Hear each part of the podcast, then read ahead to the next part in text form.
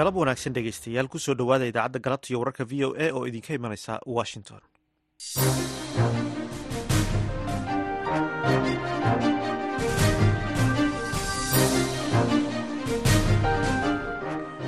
waa arbaca bisha februari ee sanadka labada kun afar iyo labaatankuna waa sideed iyo labaatan waxaad naga dhagaysanaysaan mawjadaha gaagaaban ee iyo tobanka mitrban iyo boggeena internetka ee v o a somaly com. Saacadda afrikada bari waa afartii galabnimo. Idaacadda galabta iyo wararka v o a waxaa idinla socodsiinaya anigoo ah xuseen bare aadan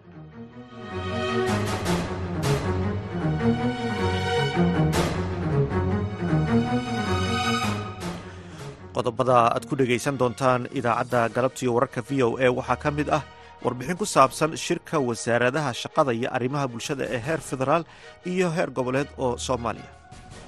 Waxaan ognahay dalkeennu inuu iyo uu yahay dhallinyaro saan horeba u sheegnay. Uu u baahan yahay dhallinyartaasi kuwa dalka isbeddelka hadda aan ka hadlayno samaynaya inay iyaga yihiin. Marka waa inaan u diyaarinaa dhallinyartaas samaynaysa isbeddelka dalka. Shaqo abuur iyo xirfado ay ku shaqo tegi karaan oo dalka wax kaga bedeli karaan. Waxaa kale oo aad dhegaysan doontaan madaxweynaha soomaaliya oo ka qaybgelaya shirka deegaanka ee nairobi.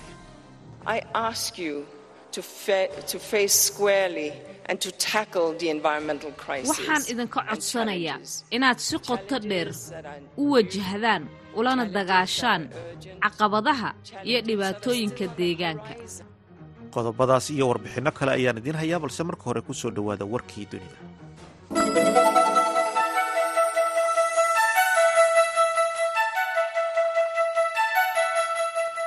Madaxweynaha faransiiska emmanuel macron ayaa ku dhawaaqay inuu la saxeixday amiirka dalka qatar tamiim bin xamed al thani heshiis ku saabsan ballanqaadyada maalgashiga qatar ee dhaqaalaha faransiiska ilaa iyo labada kun iyo soddonka heshiiskaasi oo ku kacaya lacag dhan toban bilyan oo euro amiirka qatar ayaa booqasho ku tegay faransiiska waana booqashadiisii ugu horreysay ee uu ku tego dalkaasi tan iyo markii uu xukunka qabtay labadii kun iyo saddex iyo tobankii. Kasokow heshiisyada iskaashiga iyo maalgashiga ee faransiiska iyo qatar arrinta khaza ayaa qayb ka ah ujeedada booqashada. Labada dhinac ee faransiiska iyo qatar ayaa ka wada hadli doona sii deynta la haystayaasha khaza oo ah arrin faransiisku uu si gaar ah isha ugu hayo maadaama dadka la haysto ay ku jiraan saddex qof oo u dhashay faransiiska. Sida lagu sheegay tirakoob ay samaysay wakaaladaha wararka ee faransiiska oo ku salaysan xogta rasmiga ee israa'iil. Ololihii militariga israa'iil banaa ayaa daba socday weerarkii xamaas ayaa ilaa hadda lagu dilay khaza ku dhowaad soddon kun oo qof oo u badan haween iyo carruur. Militariga maraykanka ayaa sheegay in ciidamada maraykanka iyo kuwa ay xulafada yihiin ay xili dambe oo xalay ahayd gudaha badda cas ku soo rideen shan diyaaradood oo kuwa aan duuliyaha la socon oo ay lahayd kooxda xuutiyiinta taliska dhexe ee ciidamada maraykanka ayaa sheegay in diyaaradaha aan duuliyaha lahayn laga soo duuliyey deegaanada yemen ee ay ka taliso kooxda xuutiyiinta ee ay iiraan taageerto. Waxaana taliska ciidamada maraykanku ay sheegeen in diyaaradaha droniska ah ay ahaayeen khatar ku wajahan maraakiibta ganacsiga ciidamada badda ee maraykanka iyo maraakiibta isbahaysiga ee badda cas maraya duqaymaha ayaa ah kuwii ugu dambeeyey ee bilihii la soo dhaafay oo ay ciidamadu ku doonayeen in ay kaga hortagaan weerarada xuutiyiinta ay la beegsanayaan maraakiibta maraysa badda cas. Xuutiyiinta ayaa sheegay in weeraradoodu ay u qaadayaan si ay garab istaagu u muujiyaan falastiiniyiinta xili uu dagaalku ka socdo khaza weerarada xuutiyiinta ayaa sababay in shirkado badan oo kuwa maraakiibta ah ay ka fogaadaan marinka badda cas taas oo beddelkeeda ay doorteen dariiqa dheer ee qaaliga ah ee ka soo wareegaya qaaradda afrika wasiirada arrimaha dibadda ee waddamada armeniya iyo azerbaijan ayaa lagu wadaa in maantoo arbaca ah ay wadahadal nabadeed ku yeeshaan magaalada barliin ee dalka jarmalka iyada oo dadaal cusub lagu doonayo in lagu xaliyo colaadda tobanaan sano soo jiitamaysay ee u dhaxaysa dalalka deriska ah ee ku yaalla gobolka kobkaska wadahadalkan oo ay ka qaybgalayaan wasiirka arrimaha dibadda ee armeniya ararat mirzoyan iyo wasiirka arrimaha dibadda ee azerbaijan jahyun barmayof ayaa ka dhashay kulan lama filaan ahaa oo ay si foolka fool ah horaantii bishan uu u dhex maray. Madaxda labada dal kaasi oo ka dhacay magaalada munikh ee dalka jarmalka wakhtigaasi uu ka socday shirka amniga ee dowladaha caalamku ay sanadkiiba mar kaga qayb galaan magaaladaasi munikh intaasna dhegeystayaal waxaa inoogu idil warkii dunida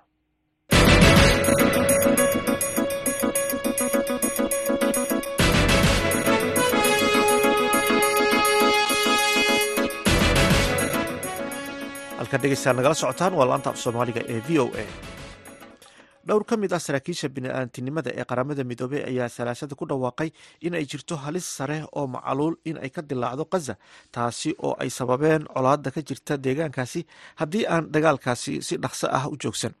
Warbixintan oo ay qortay wariyaha v o eda qaramada midoobey margaret bashiir waxaa soo koobaya jamaal axmed cusmaan haddii aan waxba laga qaban waxaan ka baqayaa in macluul baahsan oo ka dilaacda gaza ay gallaafato nolosha dad aada u fara badan. Colaadaasi oo tan iyo bishii oktoobar ay gallaafatay nolosha ku dhawaad soddon kun oo qof ayna ku dhaawacmeen in ka badan toddobaatan kun oo kale sida ay sheegtay wasaaradda caafimaadka ee gaza. Waxaana macluushaasi suuragal tahay in ay khatar kale ku keento dadka dhibanayaasha ah ayuu yidhi ramesh rajazingam oo ah agaasimaha qaybta isku xirka xafiiska bini-aadinimada ee qaramada midoobey waxa uu khudbad ka jeediyey shirka golaha ammaanka ee qaramada midoobey oo ay soo qabanqaabiyeen dalalka algeria guyana slovenia iyo switzerland iyadoo ay sii kordhayaan walaaca laga qabo in gaajada loo adeegsado hub ahaan dagaalka. Rajzingam waxa uu sheegay in ugu yaraan shan boqol toddobaatan iyo lix kun oo qof oo ku nool gaza oo ah shan labaatan boqolkiiba dadka ku dhaqan halkaasi ay hal tallaabo u jiraan macluul. Iyo dhammaantii dadka oo dhan waxay ku tiirsan yihiin gargaarka cuntada bini-aadinimada oo aan ku filnayn si ay u noolaadaan ayuu yidhi. Nasiib darrose si ka xun sida sawirka aan maanta aragno waxaa jira suurtagalnimo kasta oo ay uga sii dari karto xaaladda ayuu yidhi. Gaza waxa ay hadda wajahaysaa heerka ugu xun ee nafaqadarrada carruurta meel kastoo adduunka ka mid ah ayuu yidhi carol scow ku-xigeenka madaxa fulinta ee barnaamijka cunnada adduunka. Hal canug oo ka mid a lixda canug ee ka hooseeya labada jirka ayaa xaalad macluul baahsan haysata.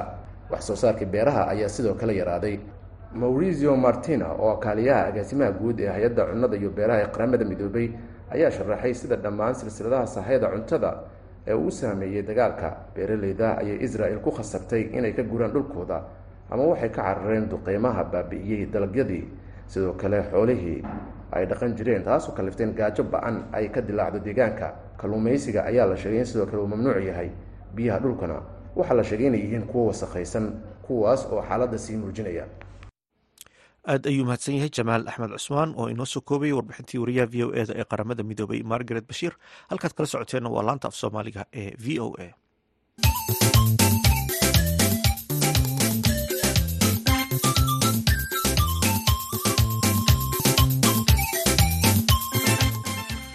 Halkaad dhegeystayaal nagala socotaan waa laanta af soomaaliga v o a ciidamada maraykanka ayaa ka dhimaya ciidankooda afar iyo labaatan kun oo askari tiradaasi oo u dhiganta ku dhowaad boqolkiiba shan tirada guud ee ciidanka maraykanka. Tallaabadan ayaa qayb ka ah dib u habeynta ciidanka si ay awood ugu yeeshaan in ay si fiican u dagaalamaan haddii uu dagaal weyn uu dhaco mustaqbalka. Arrintan ayaa imanaysa iyada oo ay ciidanka soo food saartay yaraanta shaqaalaysiinta iyada oo ay adkaatay in la keeno askar cusub oo ku filan si loo buuxiyo dhammaan shaqooyinka ka bannaan ciidanka warbixintan. Waxaa qortay wakaaladda wararka a b tiradan lagu dhawaaqay in la dhimayo ayaa inta badan noqon doonta jogooyin horeba u bannaanaa balse ma aha askarta dhabta ah. Waxaana ka mid a shaqooyinka la xidhiidha ka hortega kacdoonnada kuwaasi oo sare u kacay intii lagu jiray dagaaladii ciraaq iyo afghanistaan laakiin aan maanta loo baahnayn. Qiyaastii saddex kun oo ka mid a tirada askarta ee la dhimayo ayaa saamayn doonta ciidamada howlgallada gaarka ah laakiin dhinaca kale qorshuhu waxa uu ciidanka maraykanka ku kordhin doonaa ilaa toddoba kun iyo shan boqol oo ciidan ah oo cusub oo lagu kordhinayo howlgallada kale ee muhiimka ah oo ay ku jiraan difaaca hawada iyo cutubyada ka hortega diyaaradaha aan duuliyaha lahayn iyo shan howlgal oo cusub oo adduunka oo dhan ah kawaasi oo kor u qaadaya awoodda internetka sirdoonka iyo hirgelinta weerarada fog. Xogayaha ciidanka ee maraykanka christine wormoth ayaa sheegtay in iyada iyo generaal randi george oo ah taliyaha ciidanka ay ka shaqeeyeen sidii loo khafiifin lahaa tirada meelaha ay bannaan yihiin ama boosaska dheeraadka ah. Taliyaha ciidanka ayaa sheegay in madaxda ciidamadu ay sameeyeen falanqayn badan si ay u doortaan meelaha ay askarta ka dhimayaan. Go'aankan ayaa ka turjumaya xaqiiqada ah in sannado badan ciidanku ay awoodi waayeen in ay buuxiyaan kumanaan boos oo bannaan iyadoo ciidanku sida uu hadda u qaabaysan yahay uu yeelan karo ilaa afar boqol iyo sagaal iyo afartan kun oo askari. Haddana tirada guud ee askarta heeganka ah hadda waa afar boqol iyo shan iyo afartan kun oo askari. Qorshahan ayaa ah in la keeno ciidamo ku filan shanta sane oo soo socota si loo gaadho ilaa afar boqol iyo toddobaatan kun oo askari dib u habeynta la qorsheeyey ayaa timid kadib dagaal labaatan sano ka socday ciraaq iyo afghanistan kaasoo ku qasbay ciidanka in ay si deg deg ah oo baaxad leh u ballaariyaan si ay u buuxiyaan guutooyinka loo diray furumaha dagaalka. Taas waxaa ka mid ahaa howlgal ballaaran oo ka hortag ah oo lagula dagaalamayay alqaacida taalibaan iyo daacish muddo kadib waxaa diiradda militarigu u wareegay tartan awoodeed oo weyn oo ka imanaya shiinaha iyo ruushka iyo hanjabaadaha iiraan iyo waqooyiga kuuriya sidoo kale dagaalka ukrein ayaa muujiyey baahida loo qabo in xoogga la saaro nidaamka difaaca hawada iyo awoodaha farsamada sare ee labadaba. Hogaamiyaasha ciidamada ayaa sheegay in ay si taxadar leh u eegeen dhammaan qaybaha shaqada ee adeega iyaga oo raadinaya meelo wax laga gooyo. Waxayna baaritaan ku sameeyeen dadaalka socda ee lagu casriyeynaya ciidanka maraykanka iyadoo la adeegsanayo hub cusub iyo tiknolojiyad sare si loo ogaado halka ay tahay in xoogga la saaro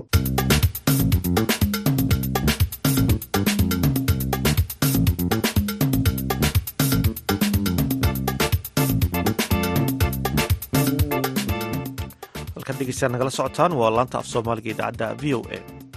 Maxkamad ku taalla dalka zimbabwe ayaa hogaamiye ka tirsan mucaaradka dalkaasi ku xukuntay lix bilood oo xadhig ah ama in uu bixiyo saddex boqol oo dollar oo ganaax ah.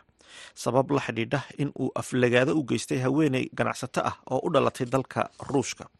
Warbixin ay v o edu arrintan ka qortay waxaa inoo soo koobaya cabdixakiin maxamuud shirwac garsoore fungai guariro ayaa riday xukun ah in tandaya biti oo hore uu ahaa wasiirka maaliyadda uu bixiyo ganaax lacageed amaba in la xidho.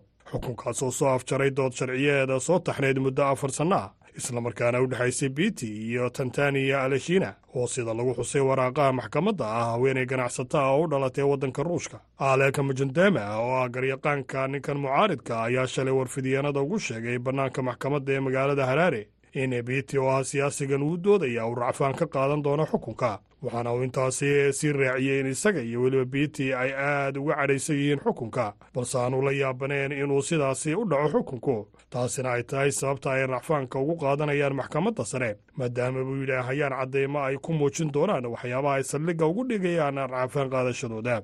Xeer laalinta dalkaasi ayaa biti waa hogaamiyahan mucaaridka ah ku eedaysay inuu haweenaydan ganacsatada ah ku tilmaamay doqon sannadkii laba kun iyo labaatankii. Walow ninkani iska fogeeyey eedahaasi loo soo jeediyey ee ah inuu xadgudub afkaa ku sameeyey haweenaydaasi haweenaydan u dhalatay waddanka ruushka ayaa iyaduna dhankeeda sheegtay in xukunku ahaa mid guul u ah haweenka waxaanay xustay in zimbabwe ay cadaalad sameeyeen xataa haddii ay ku qaadatay muddo afar sannadooda balse ay muddadaasi wax badan baratay islamarkaana ay yaqiinsatay in haddii ay haween yihiin aanay u istaagi karin xuquuqdooda cadaaladana aana bannaanka la soo dhigi karin oo aanay jirin waxay ka qaadi karto siyaasigan u eedaysan amaba qof kaleba sidoo kalena waxay tilmaantay in tani ay tahay cashar uu bartay oo ah inuu qadariyo haweenka oo keliyata maahe sidoo kale ay tahay inuu qadariyo dhammaanba dadka waddankaasi ku nool taageerayaasha haweeneydan oo isugu soo baxay bannaanka maxkamadda ayaa sheegay in ninkaasi ay ahayd in lagu rido xukun aan ganaax lahayn islamarkaana xabsiga loo diro. Halka taageerayaashiisuna dhinacooda ay ka sheegeen in ciqaabta loogu riday ninkan ah inuu qof doqon ku tilmaamo. Aanay ahayn mid cadaalada biit ayaa guddoomiye ku-xigeenka ah citizen oo ah isbahaysiga isbeddelka ee dalkaasi zimbawi oo sidoo kale ah xisbiga mucaaridka ugu weyn saaxiibkii job sikhala oo xabsiga ku qaatay ku dhowaad laba sanno ayaa isagana sagaal bilooda laga dhaafay xabsiga haddii uu bixiyo shan boqol oo dollar bisha maarj afarteeda iyadoo isagana lagu eedeeyey been abuur. Aad ayuu mahadsan yahay cabdixakiin maxamuud shirwac oo warbixintaasi nala socodsiinaya. Halkaad kala socoteenna waa laanta af soomaaliga ee v o a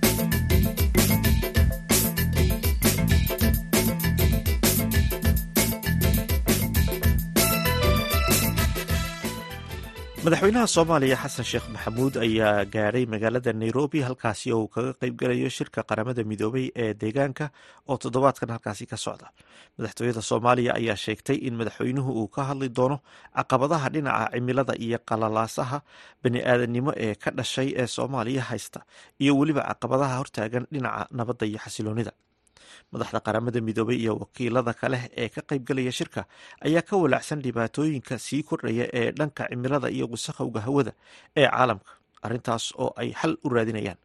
Khadar maxamuud xareed ayaa warbixintan ka soo diray nairobi madaxa fulinta ee golaha deegaanka ee qaramada midoobay inga anderson oo ka hadashay shirkan oo socon doona ilaa shanta maalmood ee soo socota ee ka socda magaalada nairobi ayaa ka dhawaajisay sida uu golahu uu uga walacsan yahay dhibaatooyinka dhanka cimilada ah wasakhowga iyo dhibaatooyinka ka dhanka ah dhanka deegaanka caalamka ee sii kordhaya. Dhibaatooyinkaasoo uu golahu uu isku dayayo in iyagoo midaysan ay xal u helaan.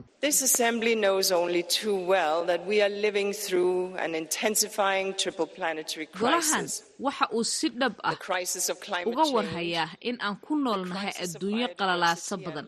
qalalaasaha wasaqowga cimilada qalalaasaha nabaad guurka noolayaasha adduunka ku kor nool iyo qalalaasaha wasaqowga hawada iyo qashinka.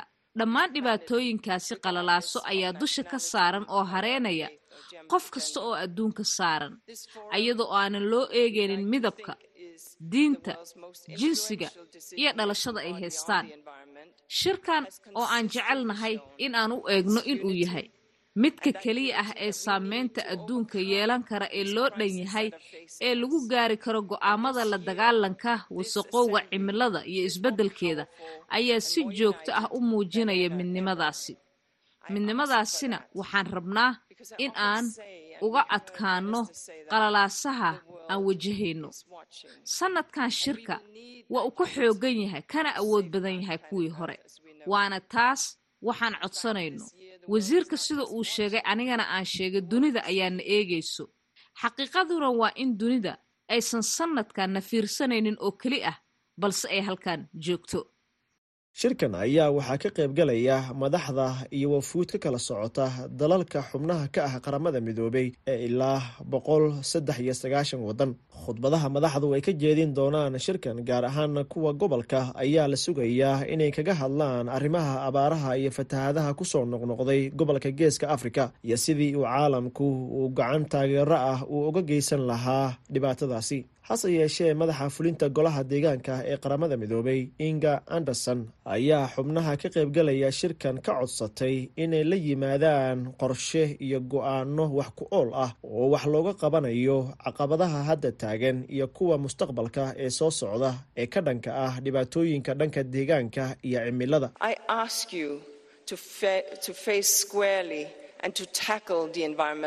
waxaan idinka codsanayaa inaad si qoto dheer u wajahdaan ulana dagaashaan caqabadaha iyo dhibaatooyinka deegaanka. caqabadaha cusub kuwa degdega ah. caqabadaha ilmo aragtayda ah ee ku hoos qarsoon badaha fog dhexdooda laakiinse ku soo qarxi karo deegaanka xeebaheenna haddii aanan tallaabo la qaadin. taasi ayaa ah wadajirka rasmiga ah ee aragtida fog ee deegaanka loogu ololeyn karo. Dalalka ka qaybgalaya shirka golaha deegaanka ee qaramada midoobay ee ka socda magaalada nairobi waxaa ka mid ah waddamada urur goboleedka igad kuwaasoo ay inta badan ka dhacaan islamarkaana ka mid ah dalalka ay saameynta xoogan ay ku yeelatay dhibaatooyinka dhanka cimilada sida abaaraha iyo fatahaado mar walba galaafta nolosha dad iyo duunyo. Madaxweyneyaasha lagu wado inay khudbado ka jeedin doonaan shirkan waxaa ka mid ah madaxweynaha soomaaliya mudane xasan sheekh maxamuud madaxweynaha kenya william ruuto iyo ra'iisul wasaaraha ethoobiya abiy axmed gabagabada shirkan ayaana lagu wadaa in madaxdu ay ka soo saaraan qaraar wax looga qabanayo dhibaatooyinka dhanka isbedelada cimilada iyo deegaanka ee caalamka. Khadar maxamuud xareed v o a nairobi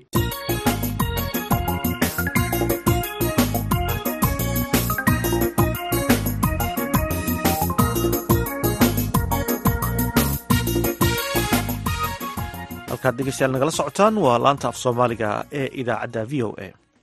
Shirka koowaad ee isudubaridka wasaaradaha shaqada iyo arrimaha bulshada ee heer federaal iyo heer dowlad goboleed ayaa waxaa maanta kismaayo ka daafuray madaxweynaha jubbaland axmed maxamed islaan. Shirkan waxaa ka qayb galay madaxda wasaaradaha shaqada iyo arrimaha bulshada ee dowladda federaalk iyo maamul goboleedyada sida uu ku soo waramayo aadan maxamed salaad. Wasiirka wasaaradda shaqada iyo arrimaha bulshada ee jubbaland oo goobta ka hadlay ayaa si weyn uga hadlay arrimaha muhiimka u ahi wasaaradaha ee loo baahan yahay in ay ka wada shaqeeyaan. Maxamed axmed cali wasiirka wasaaradda shaqada iyo arrimaha bulshada jubbaland oo daafurka shirkaasi ka hadlayay ayaa waxa uu yidhi annagu ma rabno inaan hadda niraahno waxbaa naga maqan iyo saan weeye eed sheegano. Inaad idinku noo eed sheegtaan oo la yidhaahdo wasaaradda ha loo roonaado wasiirkan ka rabnaa wasiirada kalena waa socdaan. Hadalkaygu wuxuu ku egyahay wasiirku waa xogogaal wasaaradaha wuu ka warqabaa warbixin badan oo hadda oo aniga aan soo jeedinayo ma jirto. Wuu ogyahay baahida jirtae shaqaalee la qabo oo waa ka soo hadallay dhibka yaalla shaqo abuur. In soomaaliya ay u baahan tahay oo dadku wax faa'iidaan. Sidoo kale waxaa goobta ka hadlay dr. Maxamed cilmi ibraahim wasiirka wasaaradda shaqadii arrimaha bulshada ee xukuumadda federaalk ee soomaaliya isagoona ka hadlay ujeedka shirka ee ah sida ay u wada shaqayn karaan wasaaradaha heer federaal iyo heer dowlad goboleed iyo waxyaabaha looga baahan yahay mar walba annagoo ka duulayna hanaanka dalkeenna uu qaatay ee federaalka ah. Waxaa mar walba ogsoonahay wasaaradda federaalka iyo wasaaradaha dowlad goboleedyadu inay yihiin dad wada shaqayni ka dhaxayso waxay u adeegayaanna ay yihiin bulsho soomaaliyeed ay yihiin. Annagoo taa og oo waajibaadkeegu taana farayo ayaa mar walba waxay tahay inaan iskugu nimaadno shirar noocan oo kale ah oo aan kaga arrinsanayno inta badan shaqooyinka aan qaranka u hayno waxyaalaha gaabisku ka jiro iyo waxyaalaha sida loo hormarsiin lahaa meelaha gaabisku ku iman karo iyo innagoo mar walba istusinayna maxaa heer federaal looga baahan yahay inuu dardargeliyo maxaa looga baahan yahay heer state inay dardargeliyaan shirkani markaa wuxuu daaran yahay sansaakaba ka sheegnay ujeedkiisuna uu yahay dardargelinta shaqooyinka hore u soo socday shaqooyin badan la soo qabtay na loo madlan yahay. Oo bishii labaad aan ku jirno gebagabaa inaan isagana iska warsanno shaqooyinka inoo yaalla sidii loo dardargelin lahaa sidoo kale wasiirka wasaaradda shaqada iyo arrimaha bulshada xukuumadda federaalk ee soomaaliya dr. Maxamed cilmi ibraahim ayaa sidoo kale soo hadal qaaday dhibaatooyinka shaqala-aanta ee ka jirta soomaaliya iyo sidoo kale saameynta ay daayarta soomaaliyeed ay ku hayso. Isagoona tilmaamay in loo baahan yahay in shaqo abuur loo sameeyo dhallinyarada soomaaliyeed si meesha looga saaro dhibaatooyinka lidiga ku ah amniga sida uu sheegay. Waxaan ognahay dalkeennu inuu boqolkiiba toddobaatan iyo shan uu yahay dhallinyaro saan horeba u sheegnay. Uu u baahan yahay dhallinyartaasi kuwa dalka isbeddelka hadda aan ka hadlayno samaynaya inay iyaga yihiin. Marka waa inaan u diyaarinaa dhallinyartaas samaynaysa isbeddelka dalka. Shaqo abuur iyo xirfado ay ku shaqo tegi karaan oo dalka wax kaga bedeli karaan. Waxaan ognahay burburku intuu dhacay shaqo abuurka dalku inuu aada u hooseeyo. Waxa mar walba lama ilaawaan ah. Kaalinta ay kaga jiraan brivate sectorku shaqo abuurka dalka ay kaga jireen soddonkaa sanne ee burburku soo jiray nin macalin noqda iskuul brivate jooga nin kambani brivate jooga iyo qof ka shaqeeya isbitaal brivate shaqo abuurka wuxuu aada uga socday sectorka brivatka ayuu aada uga shaqaynay inta dalka burburku ku dhacay. Waxaa annagana kaalintana saaran ay tahay ka wasaarad ahaan kaalintii qaranku uu ku lahaa shaqo abuurka dhallinyarada soomaaliyeed in general. Madaxweynaha jubbaland axmed maxamed islaam oo gabagabadii shirka ka hadlay ayaa dhankiisa sheegay in loo baahan yahay in shirarka nuucan oo kaleha la joogteeyo si meesha looga saaro wada shaqayn la'aanta ka dhexaysa wasaaradaha. Heer federaal iyo heer dowlad goboleed. Waxaa sidoo kale madaxweynaha jubbaland axmed maxamed islaam uu tilmaamay in loo baahan yahay in dhallinyarada shaqo abuurka loo sameynayo ay ka yimaadaan gudaha wadanka si ay qayb uga noqdaan amniga wadanka shirkan ayaa lagu wadaa in gebagabadiisa laga soo saaro warmurtiyeed lagaga hadlayo muhiimadda iyo waxyaabaha ay ka doodeen wasiirada heer federaal iyo heer dowlad goboleed ee shaqada iyo arrimaha bulshada. Aadan maxamed salaad v o a magaalada kismaayo.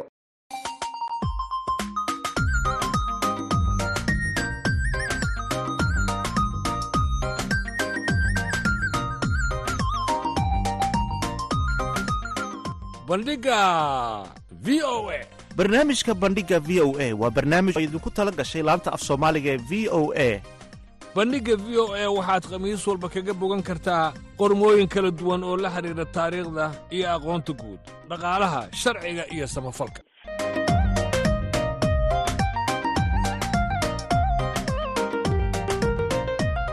Haddii aad rabto inaad wax ka ogaato taariikhda dunida iyo aqoonta guud ha moogaan bandhigga v o a bandhiga v o e kala soco laanta af soomaaliga ee v o e maalin kasta oo khamiis ah.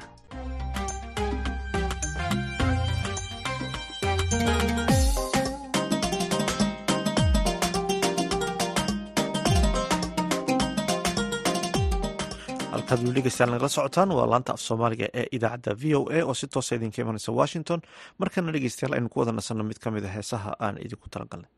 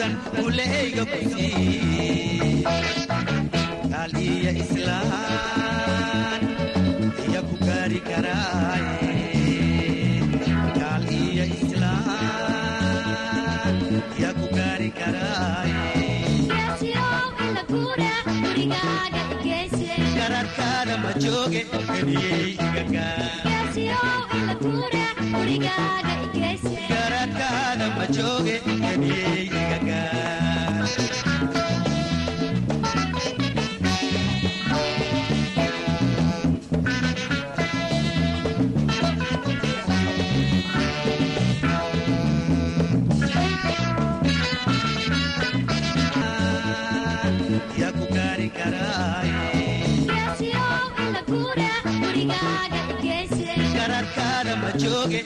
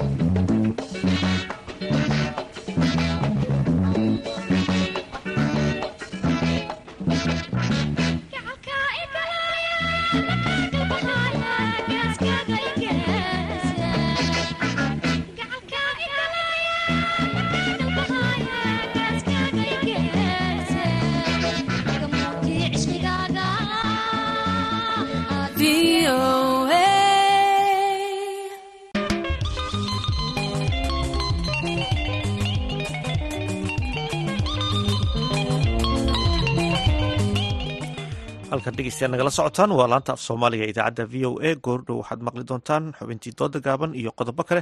Marka horese waxaad ku soo dhawaataan warkii dunida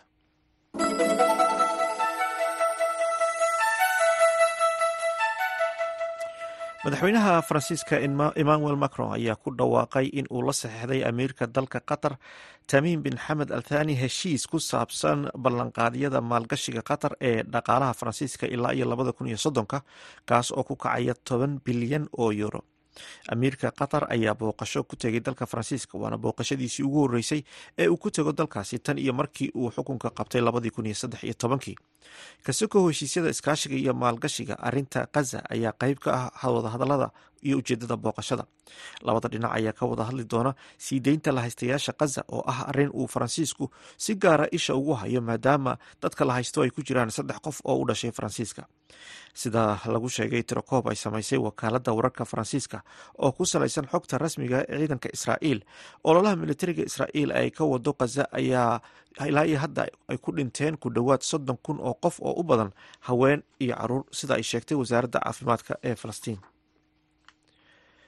militariga maraykanka ayaa sheegay in ciidamada maraykanka iyo kuwa ay xulufada yihiin ay xili dambe oo xalay oo salaaso ahayd gudaha badda cas ka soo rideen shan diyaaradood oo kuwa aan duuliyaha lahayn.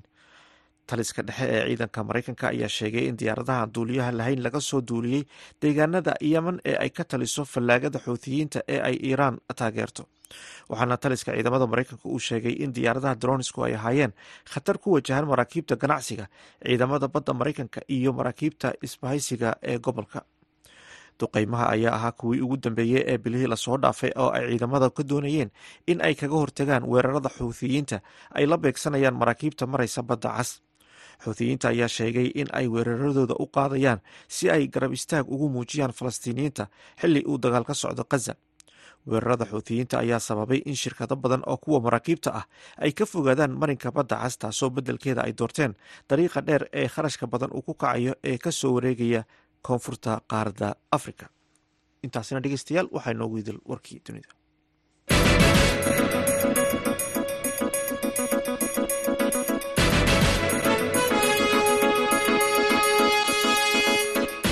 Halkan nagala socotaan waa laanta af soomaaliga v o a shirkadaha dalka kenya oo wajahaya caqabado dhaqaale ayaa u leexday dhinaca aaladaha ku shaqeeya garaadka macmalka ah si loo yareeyo kharashaadka wax soo saarka iyo xayeysiinta. Arrintaasi ayaa walaac ku abuureysa farshaxanka iyo wakaaladaha xayeysiiska kuwaas oo ka baqaya in aaladahani ay shaqadoodii la wareegaan. Warbixin arrintaasi ku saabsan waxaa inoo soo diray wariyaha v o eda maxamed yuusuf waxaase inoo soo koobaya ismaaciil xuseen farjar aaladaha ku shaqeeya garaadka macmalka ahi waxay shirkadaha dalka kenya ay dadaal badan ku bixinayeen in ay si deg deg ah ula jaan qaadaan si ay u yareeyaan wakhtiga iyo kharashkaba. Kartaasi oo ka mid a shirkadaha daabacaadaha ee ugu waaweyn magaalada nairobi ayaa ka mid a shirkadaha kor u qaaday isticmaalka aaladaha ku shaqeeya garaadka macmalka ah. Halkii ay ku tiirsanaan lahaayeen farshaxanno ay soo kiraystaan haatan waxaa shaqadaas u qabta qalab ku shaqeeya garaadka macmalka ah ama artificial intelligence isaga oo u naqshadeeya buugta qoraallada iyo wixii kale ee ay u baahdaan. Sababtoo ah wax walba waxay ku jiraan farahaaga. Marka waxaad ogaanaysaa inaanad wakhtiga yarayn oo keliya balse sidoo kale waxaad yaraynaysaa kharashka. Sababtoo ah uma baahnid inaad kiraysato qof shaqo kuu qabta. Sidaas daraaddeed inaad kharashka kaydisid waxaa keenaysa e i taas oo qabanaysa shaqada. David karega oo ah madaxa bariga iyo koonfur afrika ee shirkadda isgaadhsiinta ee woodrow ayaa sheegay in e i ay ka caawiso shirkadaha in ay la xidhiidhaan macaamiishooda.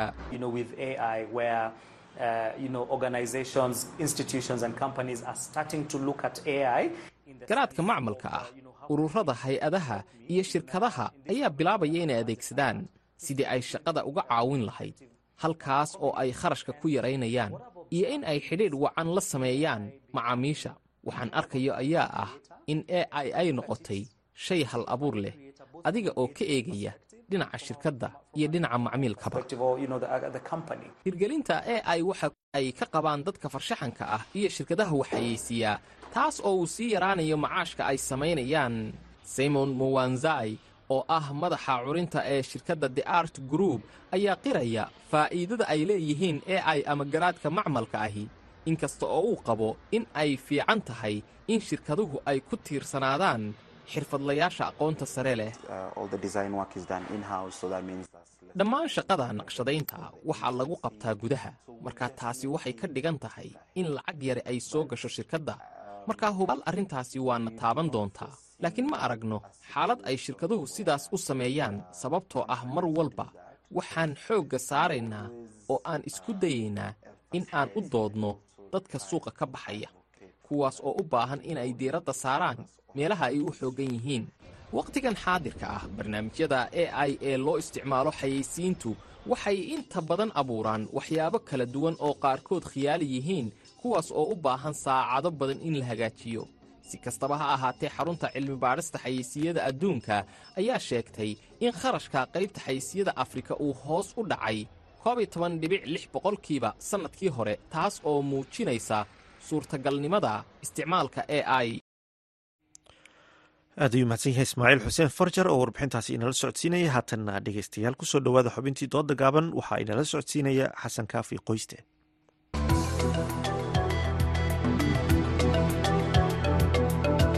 duleedka magaalada muqdisho waxaa ku sugan qoysas badan oo barakacayaala oo deegaanadii ay degganaayeen uga soo barakacay dhibaatooyin isugu jira colaado iyo abaaro. Qoysaskan ayaa isugu jira kuwo dhowaangal ah iyo qaar hore u sii degganaa halkaasi. Waxaanay ka siman yihiin inaanay haysan waxyaabihii nolosha aasaasiga u ahaa sida biyaha cuntada iyo caafimaadka.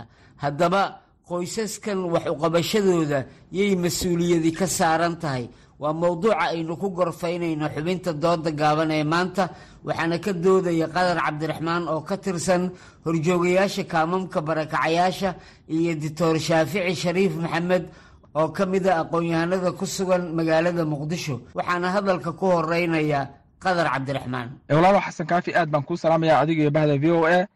Sidaan wada ogsoonahay duleedka magaalada muqdisho waxaa ku sugan barakacyaal aad iyo aad u tiro badan oo ka soo barakacay gobollada dalka oo runtii abaarihii ay saameeyeen dadkan ma haystaan marka nolosha asaasiga ma haystaan hooy ma haystaan biyo ma haystaan dawo ma haystaan waxbarasho ma haystaan. Marka dowladda federaalka mas'uuliyad ayaa saaran dadkan mas'uuliyad ayaa ka saaran inay u kurgalaan xaaladooda xaaladooda nololeed oo imaadaan arkaan xaaladda ay dadkan ku sugan yihiin. Ayaa dowladda federaalka laga rabaa. Haye shaafici. Xasan kaafi adiga iyo saaxiibkii qadar oo dooda igala qeybgalaya aad ayaa u mahadsan tihiin saaxiibkay waxa uu ka dhawaajiyey in ay dowladda soomaaliya ay tahay cidda mas'uulka ka ah inay dadkan wax u qabato ama ay caawiso. Aniga arintaasi ima muuqato kumana raacsana saaxiibkay. Qofka soomaaliga ah ee muwaadinka ee ku dhibaateysan barakacana ku ah duleedka magaalada muqdisho waxay mas'uuliyad ka saaran tahay. Qof kasta oo soomaali ah qof kasta oo haysto hanti ama ilaahay uu waxsiiyey. Marka ma ahan in aan ku riixno dowladda aan dhahno dowladda ayaa ka mas'uulah dowladda wadanka o dhan ay mas'uul ka tahay waa sax oo ku raacsanahay. Laakiin dowladda maanta uma soo jeedo inay dadkan masaakiinta ama barakacyaasha ah hadda ay wax u qabato maxaa yeele dowladda waxaan ognahay dagaalo inay ku furan yihiin maxaa lahaa dhaqaalihii iyo hadda dib ay u soo kabanayaan oo howlo badan ay horyaaliin marka waa qeyb ka mid a dowladda inay shaqadan qabato laakiin dadka masaakiinta ee barakacyaasha ah qof kasta oo soomaali ah gaar ahaan dadka wax haysto ee ku nool magaalada muqdisho ayagaba ay soo miciin bideen dadkan maysan aadin gobollada dalka oo gobolka soomaaliya muqdisho oo keliya ma ah. Waxay soo miciin bideen muqdisho way ognahay dowladda soomaaliya dhammaan gobollada dalka o dhan ay joogtaa. Marka saaxiibkay ma aha inuu dhaho wax walba uu dowladda uu ku tuuro. Dowladda mas'uuliyadda doorkeeda way qaadanaysaa si lamida shacabka soomaaliyeed ganacsatada dadka wax haysto iyo qof kasta oo kaalin ka qaadan karo inuu dadkan waxeeyo marka soomaalida xataa waxaa jiri kara dad diyaasbaraha oo soomaali diyaasbara adduunyada jooga oo caawin karo. Qadar maxaa dowladda oo qura ku koobay mas'uuliyadda u gurmashada dadka barakacayaasha ah? Mas'uuliyadda walaal dowladda ayay saaran tahay dowladda ayaa dadkan mas'uuliyadda saaran dadkan waa dad soomaaliyeed maaha dad ajnabi ah. Waa dadkay dowladdu u dhaaratay inay maaragtay sharafkoodii iyo karaamadooda inay difaacayso ay u dhaaratay weeye. Marka dowladda ayadaa laga rabaa inay dadkan jehayso inay maaragtay ay xeryahooda ay maaragtay ay soo kormeerto in loo sameeyo hoy loo sameeyo in loo sameeyo ma garanaysaa caafimaad loo sameeyo waxbarasho loo sameeyo nolosha asaasiga loo sameeyo.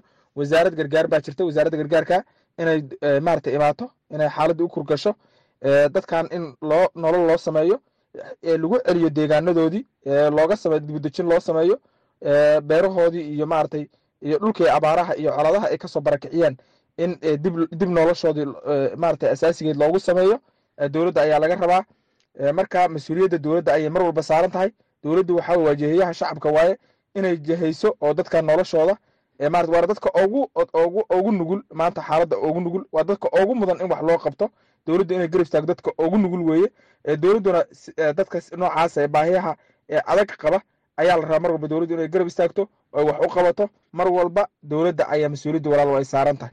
Shaafici maxaad ku sababeynaysaa in shacabka soomaaliyeed ay mas'uuliyad ka saaran tahay waxuqabashada qoysaska barakacayaasha ah waxaan ku sababaya xasan kaafi dadka marka koowaad waa dad soomaali ah waa dad deegaanka ay soo maciin bideen ay ku og yihiin inay ku nool yihiin. Dad isku diin ay yihiin isku dhaqan ay yihiin isku af ay yihiin kana dhexeeya dal iyo dadba. Marka sababtaas ayaa waxay tahay sababta ugu weyn ee dadkan ay u soo maciin bideen walaalahood muslimiinta ah walaalahood ee waxhaysta ee ku nool magaalada muqdisho. Maanta barakacyaasha waxay u baahan yihiin dadka ilaahay waxsiiye ee muxsiniinta ah. Waxay u baahan yihiin dhaqaatiirta ee ilaahay aqoonta siiyey waxay u baahan yihiin shirkadaha waaweyn ee maanta balaayiinta doolar ku ganacsanayo. Haddii marka qof kasta oo muqdisho joogo sadaqada ama zakawaadka laga raba ay siiyaan dadkaas masaakiinta wax badan ay u taraysaa. Ogow dadkan ma ahan second citizens ama muwaadiniinta labaad maaha. Waa muwaadiniin soomaaliyeed daruufo ay meeshan keeneen maantana waxay mudan yihiin in loo gargaaro. Marka waxaan u sababeyna oon dhihi lahaa yaanan lagu hadleynin cid kale ama dowlad ha ahaato ama hay'ado banaanka eh shacabka soomaaliyeed gaar ahaan kuwooda muqdisho joogo ee ilaahay wax uu siiyey ee balaayiinta doolar ku ganacsanayo iyo xataa dadka aan qasab maha inuu qofka billions dollar ku ganacsado. Muqdisho saddex milyan oo qofooda ku nool. Dad badanoo waxaa ku nool dabaqada sare iyo dabaqada dhexe. Inta way ay ka buuxaan wayna awoodaan in ay quudiyaan dadka kumanaanka qofood ah ee magaalada banaankeeda cooshadaha ugu dhisan yihiin ee dhaxanta iyo qabowga iyo kulaalka iyo maxaa lahaa xataa halista ugu jira cudurrada faafa inay ku dhacaan. Waxaynu joognaa gabagabadii dooda xalku muxuu yahay aan ku horeeyo qadar. Xalka waxaan u arkaa inay dowladdu ay dadkan hoos u dhowrto loo sameeyo hoy loo sameeyo ay ka galaan roobabka iyo qoraxda ay ka galaan. Sidoo kale loo sameeyo goobo waxbarasho caafimaad biyo loo sameeyo. Biyo xitaa ma haystaan. Nolosha biniaadmiga waxaa ugu muhiimsan biyaha biyo ma haystaan caafimaad ma haystaan. Marka dowladda inay dadkan hoos u fiiriso weeye dadkan waxa isku jira dad waayeelah dad u nugul maaragtay dhibaatada u nugul. Caruur haween marka dowladda ayaa laga rabaa inay dadkan ay wax u qabato. Sidoo kale wasaaradda gargaarka oo shaqadeeda ay tahay arrimaha noocan oo kale ah inay u kurgasho xaaladooda ay soo booqato meelaha ay degan yihiin maarata dowladka muqdisho ay ka degan yihiin ay tagaan dadkan helaan daryeel daryeel dowladnimo iyo gargaar deg dega oo dowli ah inay helaan shacabku waa shacab ma ma awoodaan taakulaynta intaa la eg dadka kumanaanka ruuxa ee soo maaratay gobollada dalka ka soo hayaamay abaaraha iyo ay ku dhufteen iyo maaragtay iyo iyo coladaha ay ku dhufteen meelahay deganaayeen waxba maaragtay tabar iyo maaragtay lama gaari karaan gacan. Marka dowladda ayadaa laga rabaa inay dadkan ay maaragtay ay jehayso ay wax u qabato nolol u samayso fursado u samayso. Shaafici dhinacaaga haddii aan ku siiyo maxaad ku soo gebagabaynaysaa oo xalkuna kuugu muuqdaa xasan kaafi xalku wuxuu yahay dadkan inay caawiyaan dadka soomaaliyeed gaar ahaan kuwooda ku nool magaalada muqdisho ee markii horeba ayaga ay soo maciin bideen maanta meesha ay ku nool yihiin waa duleedka magaalada muqdisho. Ma aha duleedka gobol kale oo ka baxsan magaaladan. Haddaba dadkan magaalada jooga ee muqdisho waa dad ilaahay wax siiyey waa dad aqoontii iyo hantidii iyo caqligii soomaaliyeed meesha uu ku midaysan yahay waa magaaladan muqdisho. Ayaga ayay tahay inay u istaagaan dadkan inay caawiyaan. Waxaa loo caawin karaa guri guri ayaa loo caawin karaa shaksi shaksi ayaa loo caawin karaa. Waxaa kaloo loo caawin karaa in dhakhaatiirta ay u istaagaan jaamacadaha ardayda dhiganaysa ay istaagaan aqoon-yahanka maxaa lahaa waalidiinta carruurta cid waliba way caawin kartaa. Haddii aan arrintaas la yeelin dadkaas dhibaatada way ay ku sii jirayaan magaalada muqdishona dhibaatadaas waa ay saameyn doontaa. Marka ma qabo in la yidhaahdo dowladda la sugaay shacabka ayay u taallaa. Intaas ayaynu dhegaystayaal ku soo koobaynaa xibinta dooda gaaban oo ay maanta igala qayb galeen qadar cabdiraxmaan oo ka tirsan horjoogayaasha kaamamka barakacayaasha iyo doctor shaafici shariif maxamed oo ka mid a aqoon-yahanada ku sugan magaalada muqdisho. Tan iyo kulanti dambe nabadey.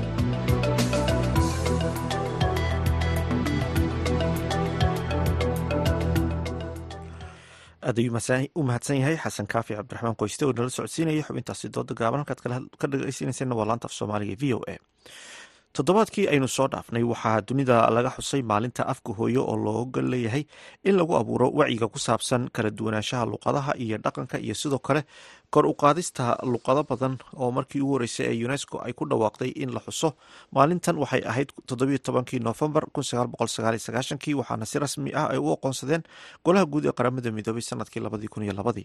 Haddaba wariyaha v o eda ee nairobi intisaar saalax xuseen ayaa muhiimadda ay leedahay in luqadda hooyo la ilaaliyo lana baro carruurta waxa ay ka wareysatay doctor cabdisalaam aadam oo ah agaasimaha kuliyadda macrifa. Luqadda hooyo ama afka hooyo waa luqadda ruuxa uu ka baranayo hooyadiisa. Waa luqadda ugu horreysa uu ku hadlayo marka waxay xambaarsan tahay identitygiisii ama luqaddiisii culturekiisii iyo qiimihiisii iyo jiritaankiisa ay xambaarsan tahay.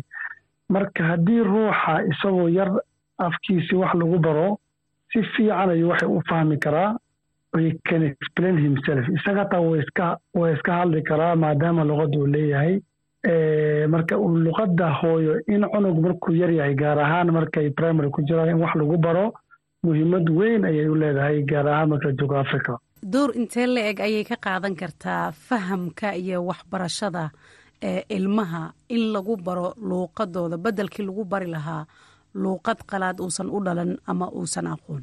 Horta ugu horreyntii yacni in af kale wax lagu barto yaa keenay say ku imaaday taasaa su'aale sababta waxaa weye nimankii afrika gumaystay ayaa waxayna dhaheen luqad aan ingilish ahayn ama faransiis ahayn wax laguma baran karo. Yani cilmigaba waxaa lagu xiray luqadda kale ayuu lagu xiray taas oo keentay in ruuxu uu ka guuro culturekiisii xataa qaar ay ka guuraan qiimahoodii bilaadanimada ka guuraan si kale hata ay fikiraan marka luqadda hooyo markii cunug wax lagu baro waxay keenaysaa inuu xataa uu keeno hal abuuryaal fara badan inuu keeno.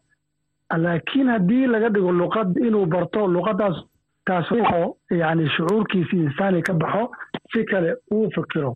Marka luqadda hooyo waa luqad muhiim ah in dadka wax lagu baro taasi macnaheed maaha in luqadda hooyo ay tahay wax waliba in luqadahan kale caalamkana la barto si gooniya loo barto maadaamaan caalamka la tacaamuli rabno. Waxaa jira ilmo badan oo aan wadankii ku dhalan. Wadankii dhalasho ahaan waalidkood uu ka soo jeeday aan ku dhalan. Luuqadii ay u dhasheen aan wax ku baran. Luuqadii ay u dhasheenna aan waxba ka aqoonin xataa aan ku hadli karin. Haddana aqoontooda ay heer sare ay joogto soo taasi lama dhihi karo. Keliya kuma xirna aqoonta iyo fahamka maskaxda ama waxbaridda ilmaha ee luuqadda hooyo. Markii taas aan u fiirino. Waa runta yani dad fara badan ayaa luqadaha caalamiga ingilishka carabiga wax ku bartay oo meel fiican tacliin ka gaaray. Waa sax. Laakiin waxaan fiirinaynaa waxaa weye in dadkan markii luqadood hooyo wax lagu baro ay xambaarsan tahay culturekoodii identitygoodii ama jiritaankoodii iyo inay caalamka lidanska ay leeyihiin ay la sheergarayn karaan ama tusi karaan. Marka in luqadda maxalliga loo arko luqad hoose oo aan macno lahayn oo weliba marmar loogu magacdaro vanacula oo la dhaho waa luqadda macno lahayn taasi waxay keenaysaa in carruurta ay luqaddaas ka cararaan hooyooyinkan ay ka cararaan luqadda ingiriiska iyo faransiiska loo arko inay luqad kale luqad ka weyn luqadaha kale. Ama cilmi ay tahay maanta hadaan af ingiriiska ku hadlin ama carabi aan ku hadlin li arko inaan waxba garanaynin. Marka luqaduna waa shay cilmiguna waa shay. Waxaa jira dadka qaar oo aaminsan haddii qofka luuqadiisii hooyo uu wax ku barto oo uusan garanayn luuqad qalaad sida ingilishka oo kale in qofkaasi uusan aqoon fiican lahayn. Arintaasi ka waran waa fikrad qaldan way sababta waxaa weye af ingiriis aan ku hadlay cilmi aan leeyaha maaha. Af ingiriisi kuma hadlina cilmi malihi maaha. Laakiin fahamkeenaa qaldan dadkii af soomaaliya wax ku bartay af china wax ku bartay jaban turkiya waa dadka maanta ugu fiican oo adduunyada maanta xukumayo turkiya jaban china talyaaniga dadka joogo luqadooda wax ku bartaan. Marka fikirka ah in ruuxu uusan ingilish ku hadlin waxba garanaynin waa fikrad saxe maaha waa perception waan dadka ay ugu malaynayaan waay. Aad ayuu mahadsanyiinkaas waxau ahaa doctor cabdisalaam aadan oo u waramayay wariyaha v o eda intisaar saalax xuseen. Dhinaca kalena wasaaradda dhallinyarada iyo dhaqanka ee dalka jabuuti ayaa dhowaan soo gabagabaysay kulamo tartan iyo wacyigelin tayeynta afka hooyo ku saabsan iyo suugaanta. Kulankan ayaa sagal siciid faarax ay ka wareysatay hiba casoowe oo ah wasiirka wasaaradda dhallinyarada iyo dhaqanka ee jabuuti su'aasha badiganana weydiiye ayaa ah maxaa fanaanka loogu laday afka hooyo baska waxaan aragnay waxay tahay jawaabtu waxaan aragnay in qofka afka hooya ku fikira ee wax ku qora kuna shaqeeya waa qofka isagu ka shaqeeya amba gudbiya nooleeyana afka gudbiyana dhaqanka. Markaas waxaas haddii la kala qaadqaado lama fahmayo waxa isku xidhaya waayo waxaa la rabaa jiil iyo jiilka saba inu isku xidhmo maanta si loo gudbiyo dhaqanka afka waa in la barto. Waayo afka wuxuu xambaarsan yahay dhaqanadeenna aanu leenahay ee ahaanshaheenna tilmaamaya.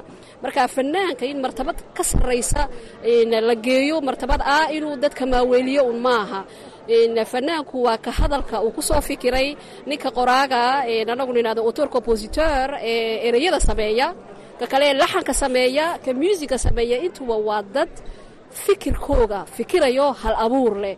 Fanaankuna uu ishortaagayo uu codkii jeedinayo isagaa qurxinaya oo dadkii u tabinaya ayuuna u tabinayaa bulshada. Bulshadana waxbuu ku baraa waxbuu maale loodhan karaa uu ku sameeyaa wacyigelin buu ku sameeyaa. Maye wax badan buu dadka ku bara amba ku tabiyaa amba waxaa la odhan karaa adduunka ayuu ugu faanaa dhaqanka wanaagsan ee leenahay.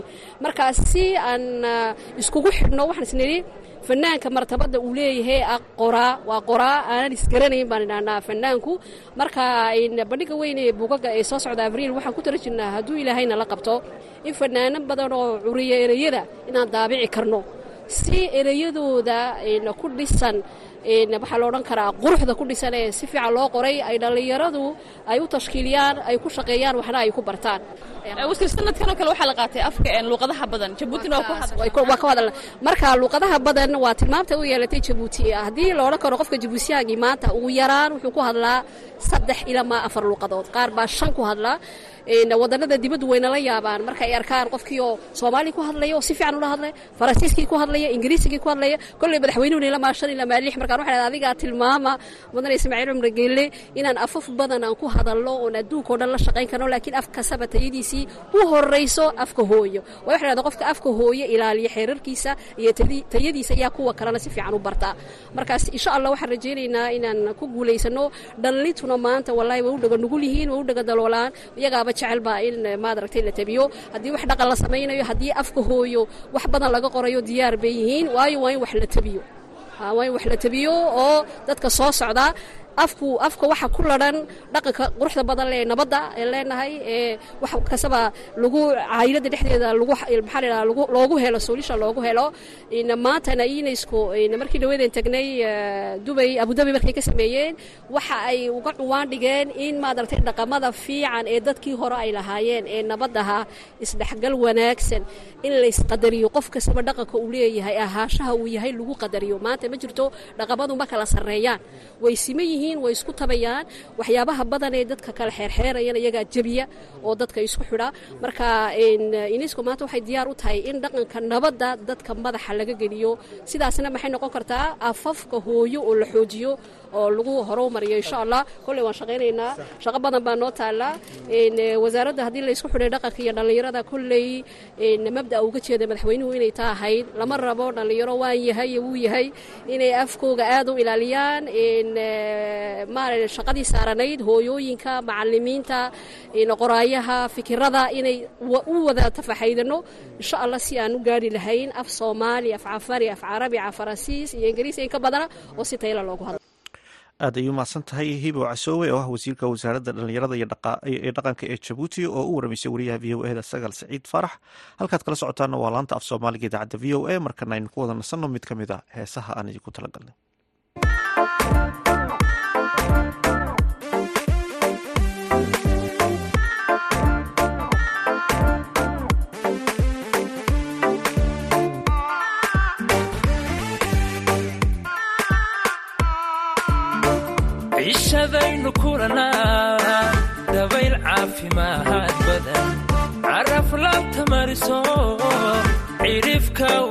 xigo cagadhigay jacaylku cidhifka wadnuu xigo cagadhigay jacaylku.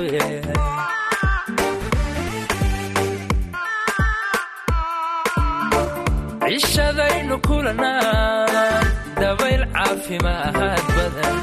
Caraf laabta mariso cidhifka wadnuu xigo cagadhigay jacaylku wadnuu xigo cagadhigay jacaylku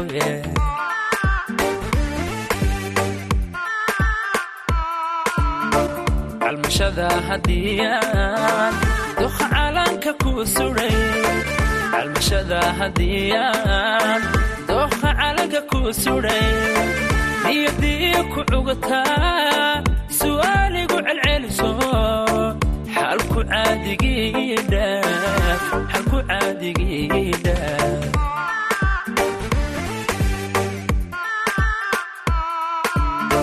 calmashada hadiyaan dooqa calanka ku suray.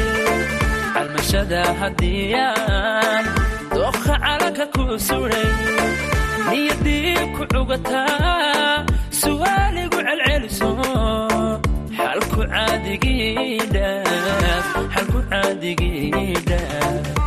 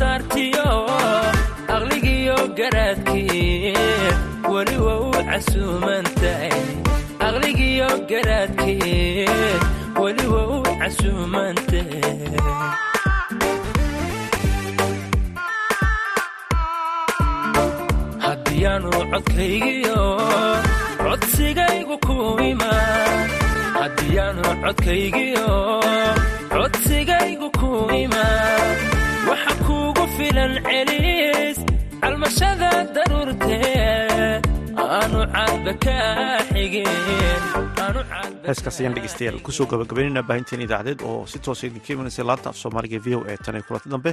Waa dhammaan bahda laanta af soomaaliga v o e washington oo idinle sidaas iyo nabadgelyo